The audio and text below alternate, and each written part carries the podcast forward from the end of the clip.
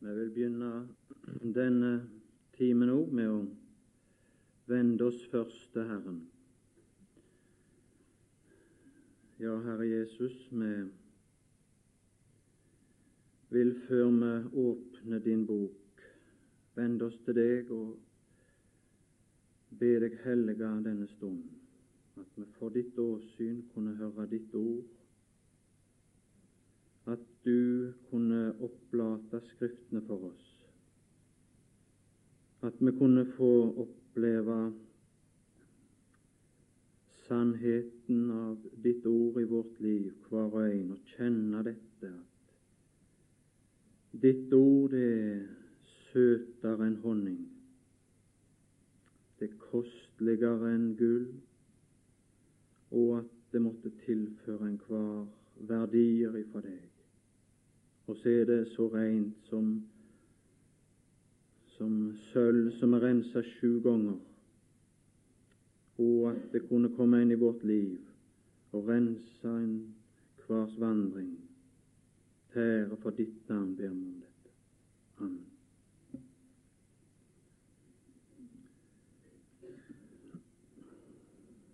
Emnet var dette Hva er kristendom? Og da vil jeg bare stille det spørsmål først i, i denne time. Hvor hen er det vi skal vende oss for å få vite hva kristendom er? Det er et emne som er formulert som et spørsmål. Og spørsmålet er da først hvor får vi svar henne? Kan vi vende oss til kristenheten, vil den kunne gi oss svar. Vi skal snart se ved lesning av Guds ord at vi ikke kan vende oss der, men vi har en autoritet i, i slike spørsmål som dette emnet stiller. Men og Det har allerede vært oppe i forrige time, og det ble tatt fram grunnleggende og klart. Jeg håper enhver som er ung, har fått med seg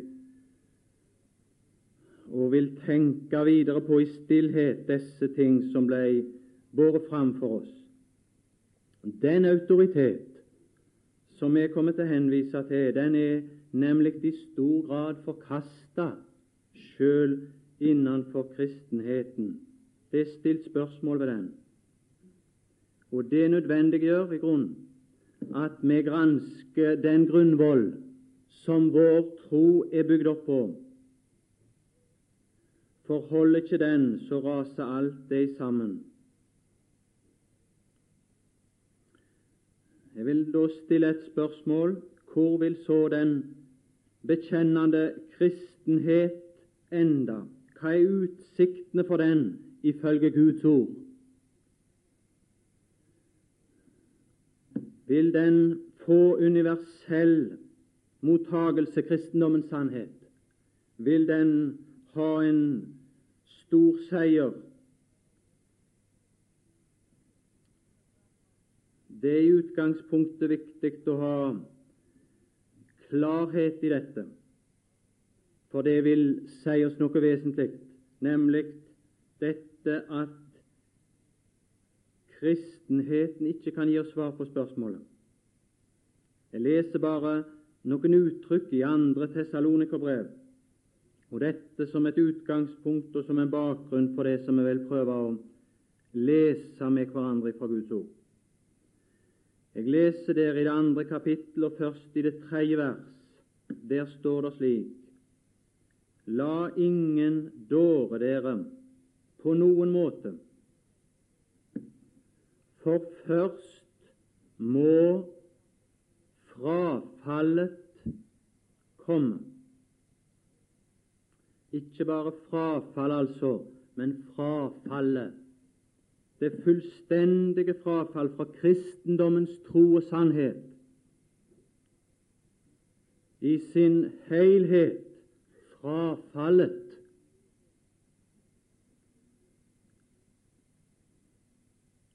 Men da kunne vi si dette først, at dette vil ikke finne sted før vår Herre Jesu Kristi komme og vår samling til Ham, som det står om i det første vers. Men allikevel så finnes det en, en kontinuitet i dette her. For i det sjuende vers så sier apostelen for lovløshetens hemmelighet den er alt virksom.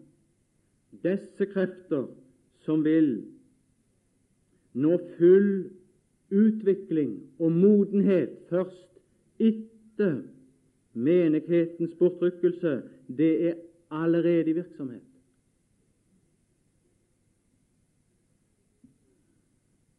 Dette er altså frafallet ifra kristendommen.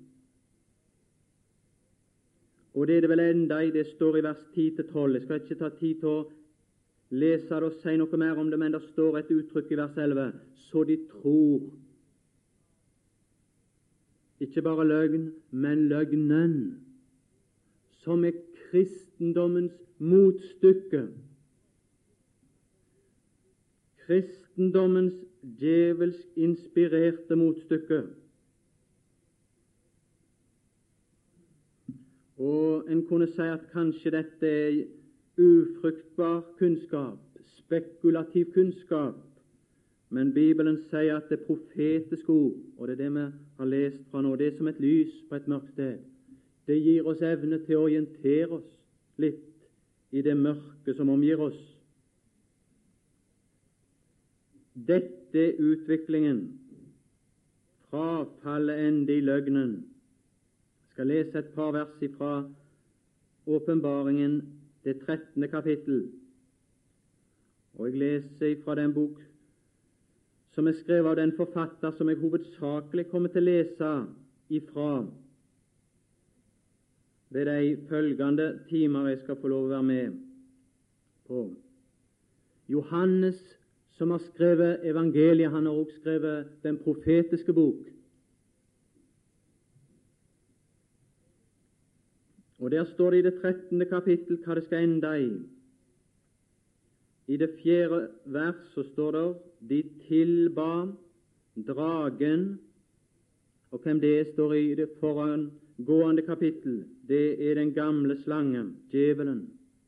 Han skal tilbes fordi den hadde gitt dyret makt. Og de tilba dyret. Det skal også tilbes. Og Hvis vi bare holder der og slår tilbake i andre Tessalonikerbrev, det andre kapittel og det fjerde vers, så finner vi at den tredje person i dette ondskapens, denne ondskapens treenighet skal la seg tilbe.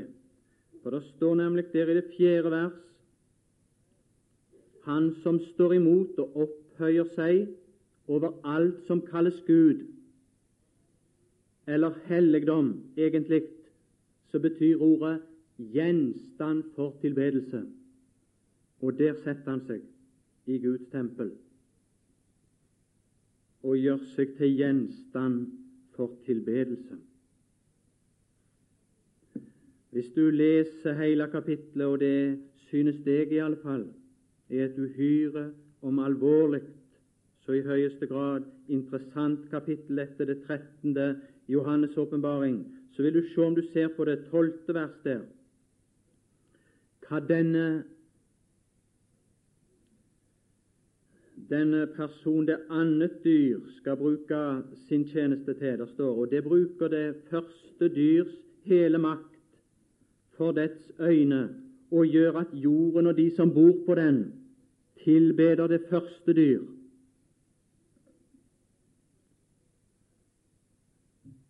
Like som vi skal se i Johannes evangeliet, det fjerde kapittelet, at den Herre Jesus ledet til tilbedelse av Faderen og sjøl mottok tilbedelse, så skal Antikrist lede til tilbedelse av det første dyr.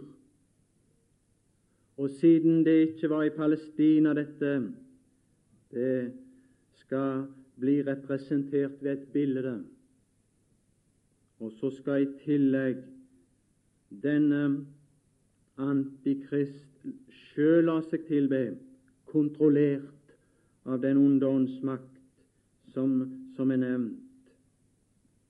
Men det står i det 15. vers her i Åpenbaringen det 13. kapittel at djevelen og den onde ondskapens motstykke til kristendommens herlige åpenbarelse av den treenige Gud. Det vil aldri være en villig tilbedelse gitt av mennesker i kjærlig beundring, men det vil være en tilbedelse som framtvinges ved makt. Se der, og gjøre så at alle de som ikke ville tilbe dyrets bilde, skulle drepes. Det var måten det hele ble drevet fram på. Jeg oppsummerer bare dette litt kort. Det som er fokuspunktet, så jeg kan se iallfall, det er i andre Tessalonikerbrev. Det andre kapittel det er dette et menneske gjør seg til Gud. Det er en guddommeliggjøring av mennesket, og det skjer midt i kristenheten. Det er ikke bare at en vender seg bort fra sannheten, men det skal enda i en stolthet og selvopphøyelse som ender i dette at et menneske, og det er endog syndens menneske, skal gi seg ut for å være Gud og bli tilbedt. At Gud må gripe inn og dømme dette, det kan ikke være noe som vekker undring hos oss. Men det står et ord som jeg synes om og gleder meg over i Esaias det 40. kapittel, om det som skal skje når Kristus skal dømme dette opprør ved sitt komme. Der står det noe om Herrens ord i den forbindelse. Og Der står det om noe som skal falle, om noe som skal stå. Der står i, i versene fra begynnelsen og det, det, er liksom en ny avdeling av Esaias-boken. Det er et trøstens budskap til et folk i trelldom og det er trøstens budskap i lys av Herrens komme til deres utfrielse. Og Her var det Babylon som var utgangspunktet, men det strekker seg framover mot den dag når Herren sjøl skal ta seg av å utfri sitt jordiske folk. Og så står det da i det femte vers etter at det har lyttet hør Det er en som roper, og så er det kommet et budskap. Og så avsluttes det på denne måten og Herrens herlighet skal åpenbares, og alt kjød skal se det. For Og på denne måten stadfestes og bekreftes profetens budskap. For det hele hviler på dette at det i sannhet skal oppfylles og virkelig bli slik som er omtalt foran. Det er ikke bare en løs trøst profeten skulle bære fram for folket, men det var en sikker trøst. Og den har sin begrunnelse i dette, for Herrens munn har talt. Og så kommer det en ny røst inn her. Det er en veldig bevegelse i begynnelsen her. Hør! Hør! Det er en som sier 'rop'.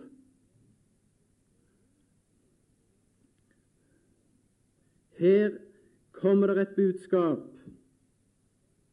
Her kommer det nesten, om du kunne si det sånn, en feiring av dette guddommelige ord, som nå er i ferd med å skal oppfylles.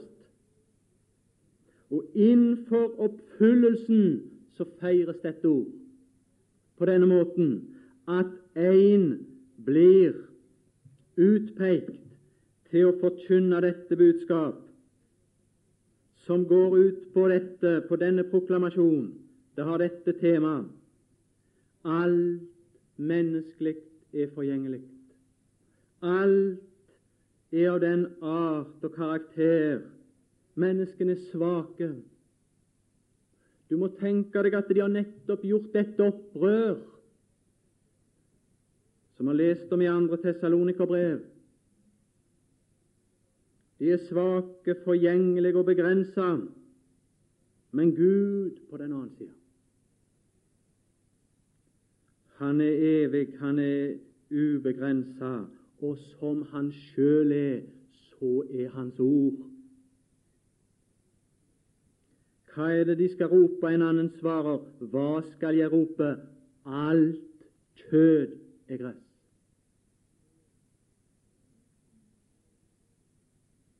Og det er dette en strir imot. Og en strir imot det i en tid som vår, i ei humanistisk tid. Så strir en ikke imot det at enkelte mennesker kan du kanskje sammenligne med gress, og at de er sånn at de all dets herlighet som markens blomst, gresset blir tørt, blomsten visner når Herrens ånde blåser på det. Ja, sannelig, folkegress. En vil ikke nekte for det at enkelte kunne sammenlignes med det, men alt kjøtt er gress. Og det er nødvendig for oss å akseptere denne dom fra Herren over alt kjød. Det som er typisk i dag, er dette at mennesket blir guddommeliggjort, og guddommen blir menneskeliggjort. Og denne bok, den skal liksom renses sånn at den blir en menneskelig bok. Alle myter må ut av denne bok. Den person som omtales som hovedperson, den Herre Jesus, han må bli en menneskelig Jesus. Og all såkalt overmaling med, med guddommelige egenskaper må renses bort. Og det er noe allerede i gjære. Det er alt virksomt i vår humanistiske tid. Og så strir en imot denne dom. Alt kjød er som gress. Men det skal komme en dag, et ord, som er av en annen karakter. Det skal få gå en dag. Men så sto det dette i det åttende vers. Men vår Guds ord står fast. Alt annet faller men vår Guds ord står fast til evig tid. I Salme 119, det 89. vers, så står det Det står på denne måten Til evig tid står ditt ord fast i himmelen. Og Hans ord er liksom forbundet med disse himmellegemer som har en så regelfast regelfaste baner som de går i, som er liksom symbolet på stabilitet og fasthet og urokkelighet. Og til evig tid, Herre, står ditt ord fast i himmelen. Og det, det har denne himmelens fasthet. Det har himmelens stabilitet, og det skal stå. Den dag når alt annet skal falle, så skal dette bekreftes, stadfestes og oppfylles. Og det kan vi glede oss over å være samla om her. Mange sier i dag Bibelen inneholder Guds ord. Den, den inneholder liksom Guds ord i, i, sammen med en allsidig blanding av menneskeord. Sånn at Bibelen inneholder mye som ikke er akseptabelt for det moderne mennesket. Og dette er bygd opp på et fullstendig naturalistisk syn. En påberoper seg fordomsfrihet, vidsyn og objektivitet, og kamuflere disse løgner bak et skinn av vitenskapelighet når en kom i møte med denne bok, og så kan en holde denne bok på avstand.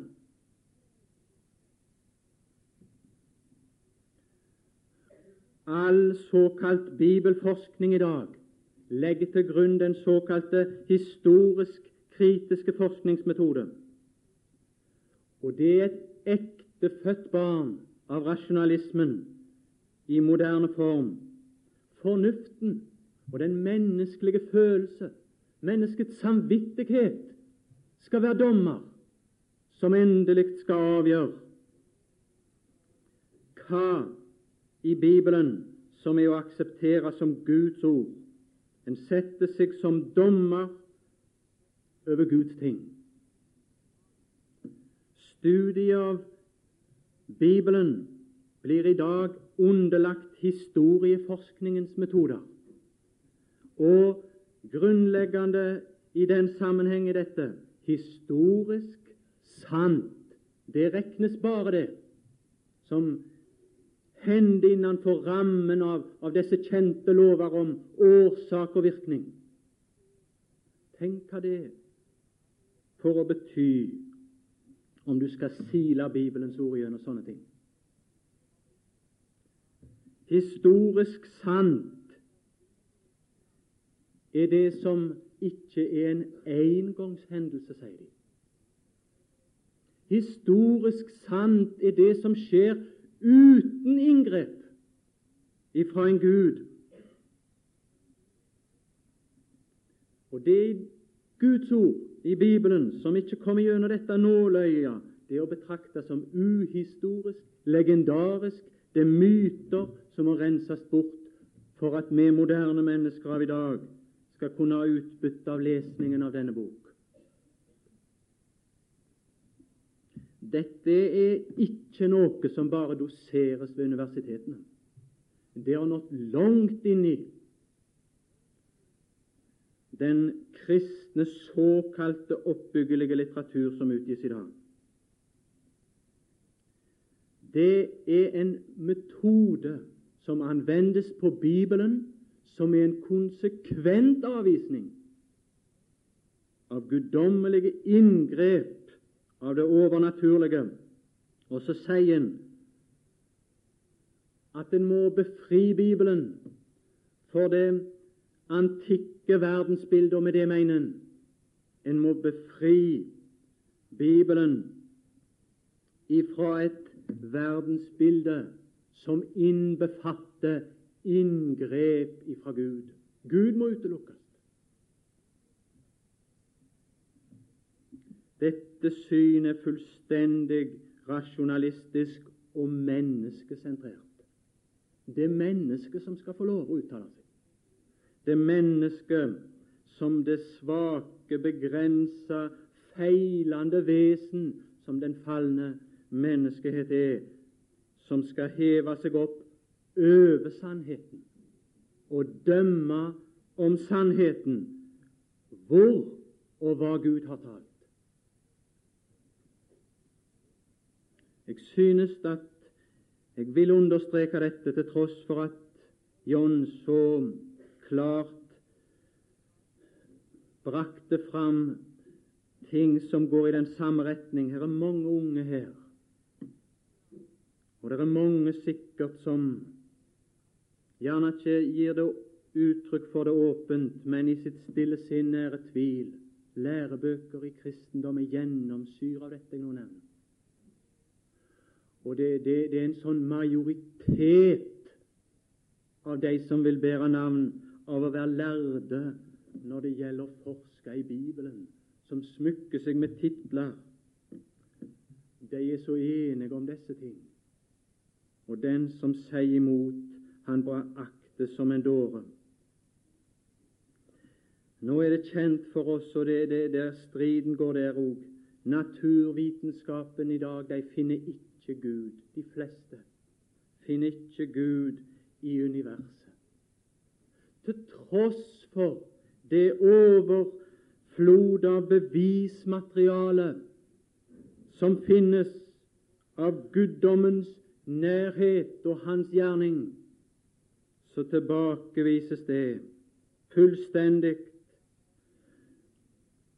Er det da underlig at de som på samme premisser og etter samme metoder nærmer seg denne bok, ikke finner Gud her heller. Nei, det er ikke å undres, til tross for at de påberoper seg at de er så nøytrale, så objektive i sin vurdering, så er det klart at de er styrt av dette å holde Gud utenfor denne verden. De har kastet han ut, og så har de i blind håmod gitt seg ut for å kunne dømme om Gud og Hans ting.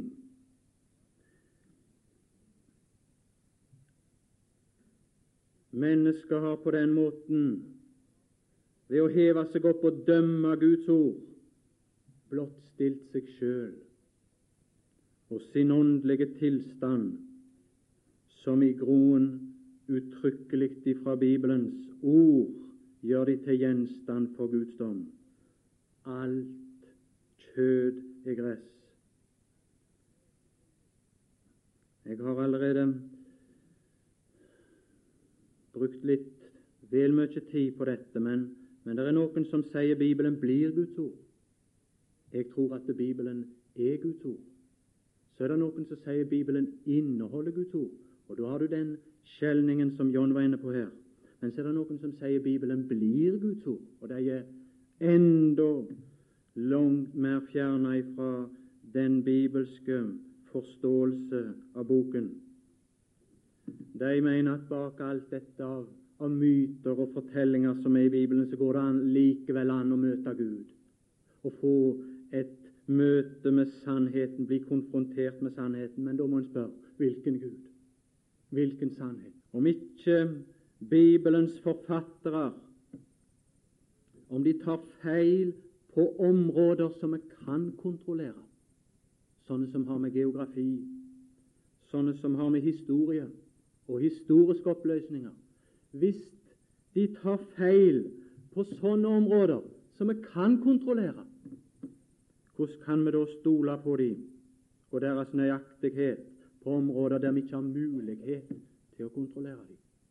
Det gjelder det åndelige, det usynlige. Men jeg vil skynde meg til det som er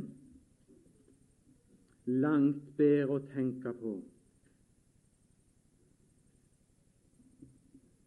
Jeg vil eh, lese et vers i Matteus det 22. kapittel, som òg John var borti. I det 34. vers så står det noe. For disse saduseerne som det var nevnt noe om i forrige time, de kan vi godt omtale som den tids rasjonalister. De utelukka oppstandelse, eller det som kalles engel eller ånd, og deres etterfølgere i dag har samme lære.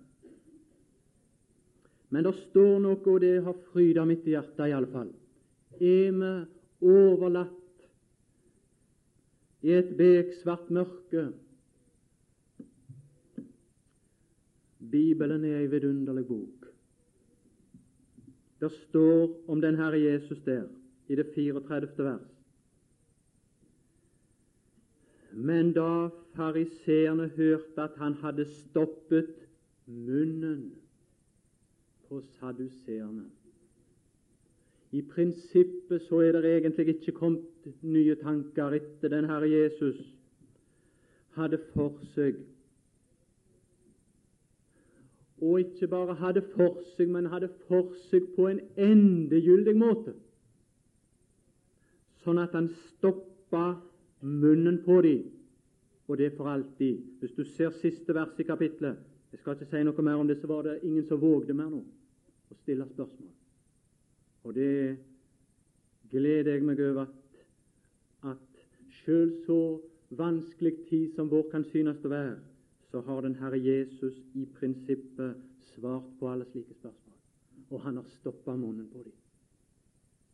Ingen av oss burde beskjemmes og bekjenne seg til tro på Bibelen, at den er Guds ord. De hadde nemlig kommet med en vanskelighet til den Herre Jesus, disse, som ble, som ble framstilt så korrekt, og det ble argumentert liksom så, så vetig. Og det hørtes så greit ut. De tenkte ut ifra forholdene slik som de var, og regna med at oppstandelsen liksom ville bli en reproduksjon av dette. Alt hadde alltid vært sånn som det var nå, og, og det kom alltid til å bli det. Og ut ifra det så argumenterte de, og så synes de at poenget var så fullkomment at de regna med dette skulle de stoppe hans munn på. Og det kunne synes så, så korrekt om det ikke var noen Gud. Men hva blir det av all deres resonnering og alle argumenter om Guds kraft føres inn? Og Det ser vi i det 29. vers. Det var på den måten at den Herre Jesus stoppa munnen på dem. Han sier dere fare vill fordi dere ikke kjenner Skriftene, og heller ikke Guds kraft. Alle deres argumenter forsvant og ble pulverisert ved dette. Guds kraft. Og hvem er det som kan utelukke Gud i å gripe inn? Bring alle disse argumenter innenfor den levende, allmektige Guds åsyn, og de fordunste som dugg for sol. Hvem kan hindre Gud? Gud og Hans kraft møter alle sånne argumenter som òg florerer i dag. Måtte du som ung få tak i disse grunnleggende sannheter for din tro, så du kan være væpna imot alle tankebygninger som bygges opp som festningsverk. Jeg leser et annet vers, Johannes evangelium, det første kapittel og det fjortende vers. Der står det på denne måten Og Ordet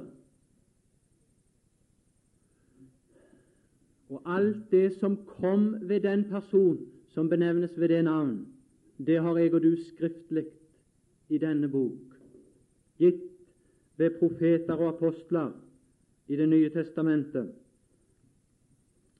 Og Ordet ble kjød og tok bolig iblant oss, og vi så Hans herlighet. Leser du Esaias, det 53. kapittel, som er en profetisk beskrivelse av den samme person, så står det noe som forresten resten av tolv første kapitler i Johannes evangeliet bekrefter. Det står i det andre vers Han skjøt opp som en kvist for hans åsyn, og som et rotskudd av tørr jord. Han hadde ingen skikkelse og ingen herlighet, og vi så ham. Men han hadde ikke et utseende så vi kunne ha vår lyst i ham.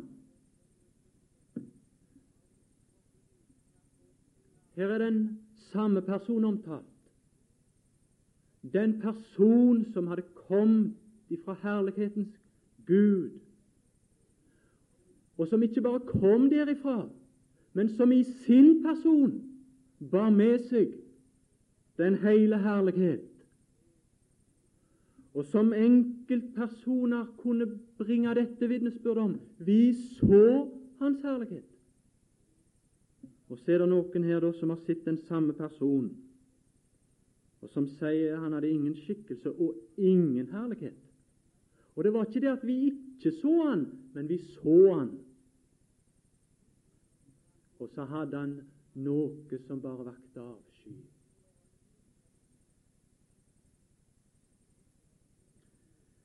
At det er mange som fornekter Bibelen, er det bevis for at det ikke er herlighet, Guds herlighet, i denne bok.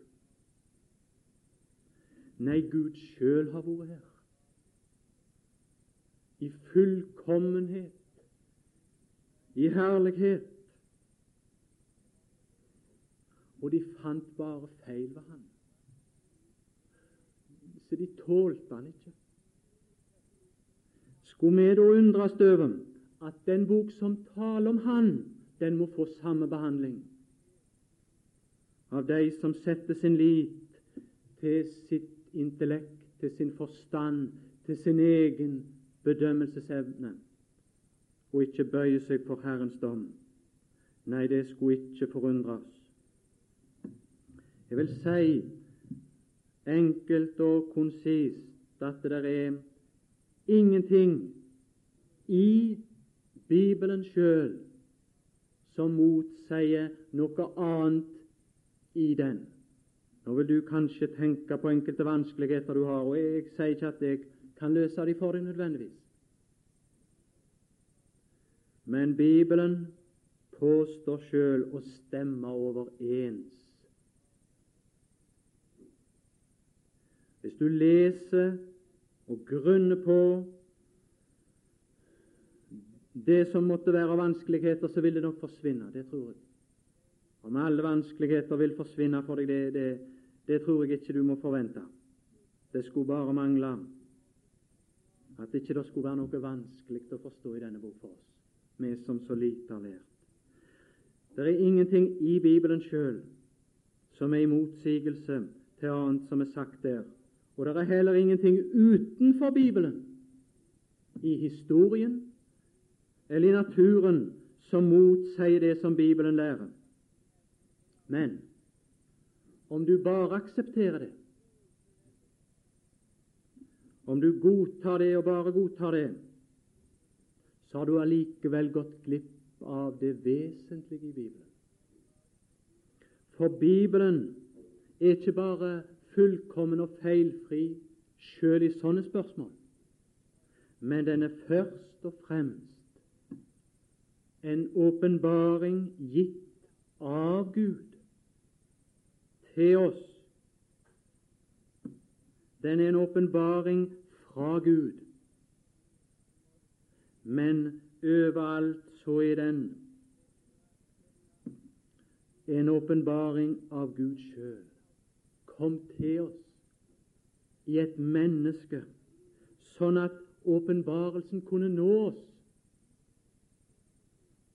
og Det vil jeg egentlig si noe om i, i de følgende møtene jeg skal få lov å være med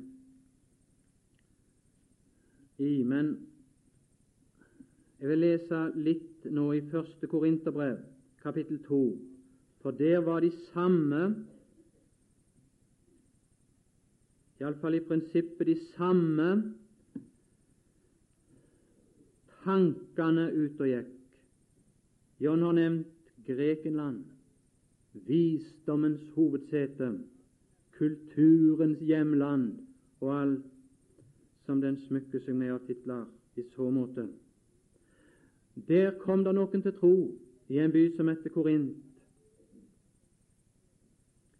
Men de ble så preget av sine omgivelser, i sine tanker, at de følte at når evangeliets budskap kom,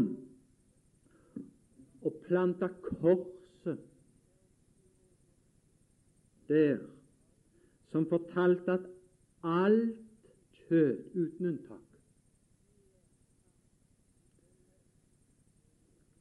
er gress, er dømt og brennmerka. Ikke bare med hensyn til sine synder, men òg med hensyn til sin visdom, som de satte sin lit til. Og disse mange i Korint som var blitt frelst ved evangeliet, tenkte som så vi trenger å omforme budskapet litt for at det skal passe for tidsånden her i Korint. Så brutalt og så absolutt som mennesket tilsidesettes, som når Paulus forkynte Kristi kors. Det syns de kanskje var en fordel om ble lempa litt på. Og så møter Paulus dette da i både kapittel 1 og kapittel 2. Og da, da er dette Skal jeg bare nevne tre hovedting der som er essensen, og som alt går ut på ett, nemlig det. Jeg skal først si, da skal jeg lese det fra versene der. Det er dette åpenbarelsen er skjedd ved Ånden. Altså avdekning av usynlige ting som er kommet til oss, det er ved Ånden. I tillegg til det så er forståelsen av den gitte åpenbaring ikke ved menneskets intellekt, men ved Guds ånd først og fremst ikke at Gud tilsidesetter det Han har utrusta mennesket med, menneskets ånd, men menneskets ånd er ikke i stand til å fatte Guds ting. Det gjelder som for åpenbarelsen, så for forståelsen av åpenbarelsen, at det er ved Guds ånd. Og så det tredje da at den videre overlevering som vi har i Skriftene, det er ved ord lært av Ånden. Jeg leser bare i det tiende vers for korthets skyld. Men oss har Gud åpenbaret det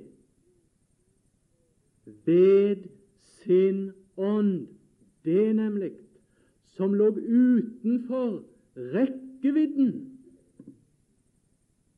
av sjøl de sterkeste ånder, om du kunne si sånn, iblant menneskenes kloke hoder.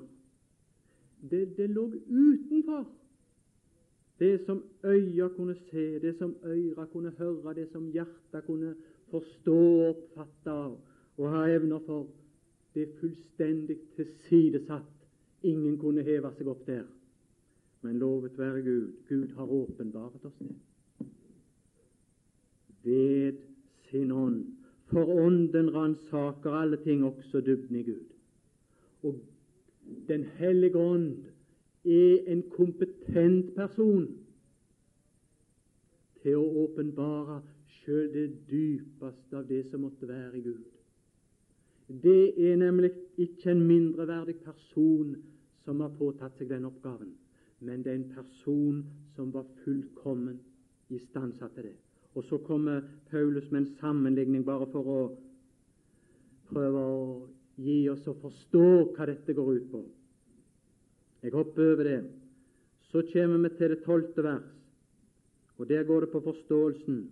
Men vi har ikke fått verdens ånd, vi har fått den ånd som er av Gud, for at vi skal kjenne det som er oss gitt av Gud, den Guds visdom som det taler om i sammenhengen, som nå er åpenbart, for å fatte det, kjenne det, forstå det, så er vi avhengig fullt og helt av Guds ånd. Så kunne vi si, når han hadde da gjort klart den store åpenbarelsen og den som var den store åpenbareren, så kommer vi i det 13. vers til hvordan Paulus brakte dette videre. Det som vi også taler om. Hvordan formidler han det videre? Og Så kommer det først på den negative sida. Ikke med ord som menneskelig visdom lærer. Jeg har lest litt i sånne moderne kommentarer som skal prøve å forklare Bibelens ord til oss. Og jeg eh, vil bare si det, fordi det, det, det dømmer dette fullt og helt. Hvor er det de leter? Jo, mon tro hvor Paulus har, har fanget opp den ideen. Han har sikkert søkt i gamle jødiske, sånn apokalyptiske skrifter. Der har han funnet en liten tanke, og så har han brukt det. Og så er det sånne helenistiske, filosofiske skrifter som han òg har.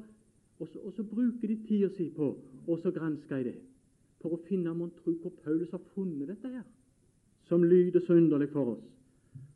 Bibelen har sagt det ikke det er forgjeves arbeid. Ikke med ord som menneskelig visdom lærer, men med ord som Ånden lærer. Ånden måtte lære sjøl de ordene som det skulle bringes videre i, sånn at det feilende, svake, begrensa kar som Herren tok opp, ikke skulle viderebringe sine egne feil, sine egne begrensninger. Og Jeg leser det 14. verset ord, for det forteller om mottagelsen som sannheten får, og som forklarer og som vi må bevisstgjøre oss på i denne vonde tid. Hele bibelkritikken og alt. Men et naturlig menneske tar ikke imot det som hører Guds ånd til. Det hører Guds ånd til dette. Det er Han som har åpenbart det. Det er Han som vi kan lære å kjenne det ved, og det er Han som vi kan være i stand satt til ved å bringe det videre for det er ham en dårskap, og han kan ikke kjenne det. For det dømmes åndelig. Og så kommer det et ransakende spørsmål som måtte gå til korinterne, og som vi kan stille oss inn for i det 16. vers. Og hvem har kjent Herren sin, så han skulle lære ham? Har vi noe å lære Herren med? Kan vi forbedre den utgaven? Jeg tror det var det Paulus pekte på når han stilte dette spørsmålet. Korintere, skjemmes dere av dette ord fordi ikke alle vise aksepterer det? Har dere noe å lære Herren i den sammenheng? Ordene som er nedfelt, er gitt ved Ånden. Og Jeg vil bare si en par ting til. I det 14. kapittelet i samme korinterbrev ser vi at det var ikke bare Paulus' muntlige tale, men òg hans skrifter hadde akkurat samme karakter, og det er de vi har å holde oss til. Vi er ikke blant de begunstiga som fikk høre hans muntlige forkynnelse, som var ved ord lært av Ånden.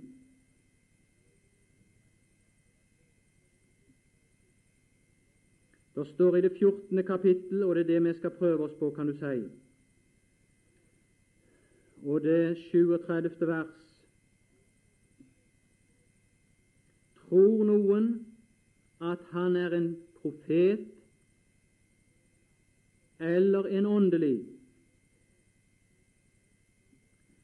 da skal han skjønne at det jeg ikke bare taler, men det jeg skriver til dere, er Herrens bud. Så de som forkaster noe av det Paulus har sagt, det Paulus har skrevet Han har dømt seg sjøl på dette at han er ikke noen profet og ingen åndelig. Han er ute av stand til å skjønne det som er talt.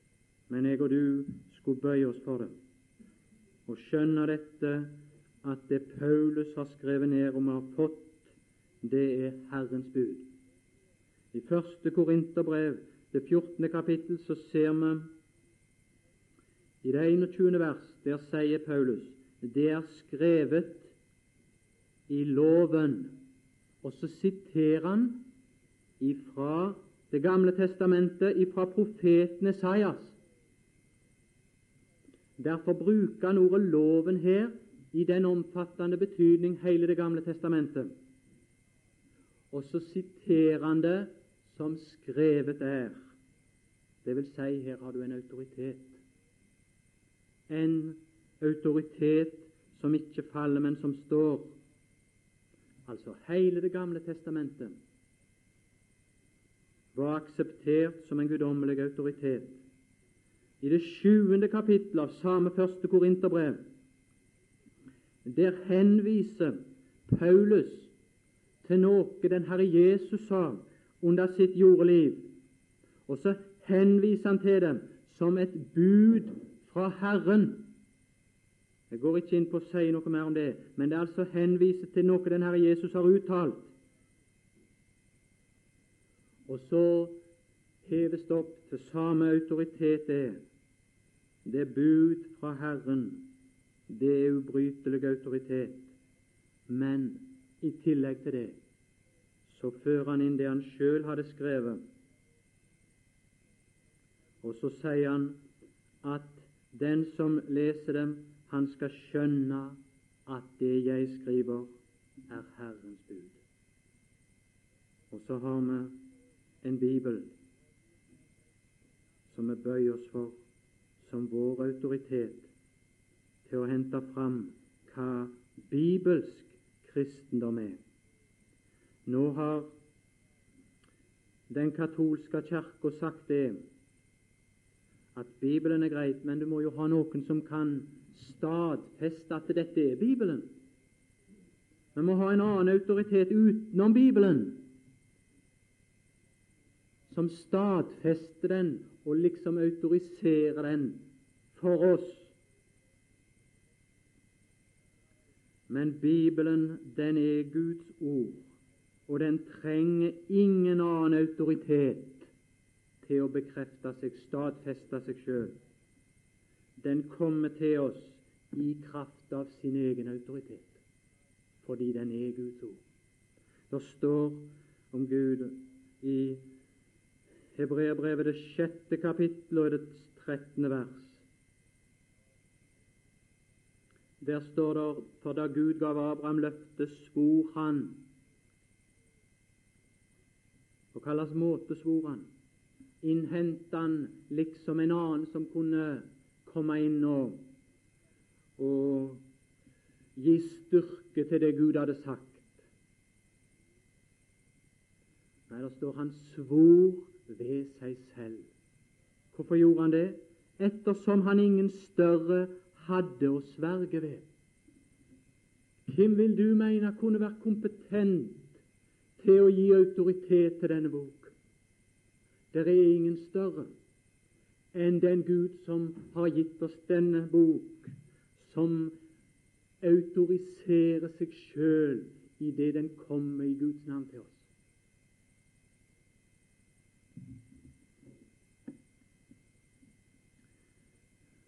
Og det er heller ingen forkynner som noen gang har lagt skjønnhet og herlighet inn i denne bok. John nevnte at de utla. Det er noen som sier at eh, når en taler, så er det vel helst at en legger inn. Men hvis noen av oss kunne bli brukt av Herren så må, kan det ikke være til dette å legge noen skjønnhet inn i Bibelen, men det er bare det å, at vi kunne bli ledet, og Guds ånd kunne få lede oss til å peke på noe som Guds ånd kunne virke, bruke og åpenbare den herlighet som er her. Skal vi be Herre Jesus, jeg vil lovprise deg for at du har gitt oss ditt ord. og at du har gitt oss det på en sånn klar måte at den som ved din ånd har kommet i den guddommelige berøring med ditt ord, som vi har hørt om, den har fått en overbevisning, troens fullvisse innsikt om at når vi går inn i Skriftens helligdommer, så møter vi deg, Gud. Vi ber for hver og en av oss at vi måtte beholde den ærbødighet, den respekt for ditt ord, og i vår ferd og i vårt liv, og bøye oss for ditt ord. I ditt navn ber vi. Amen.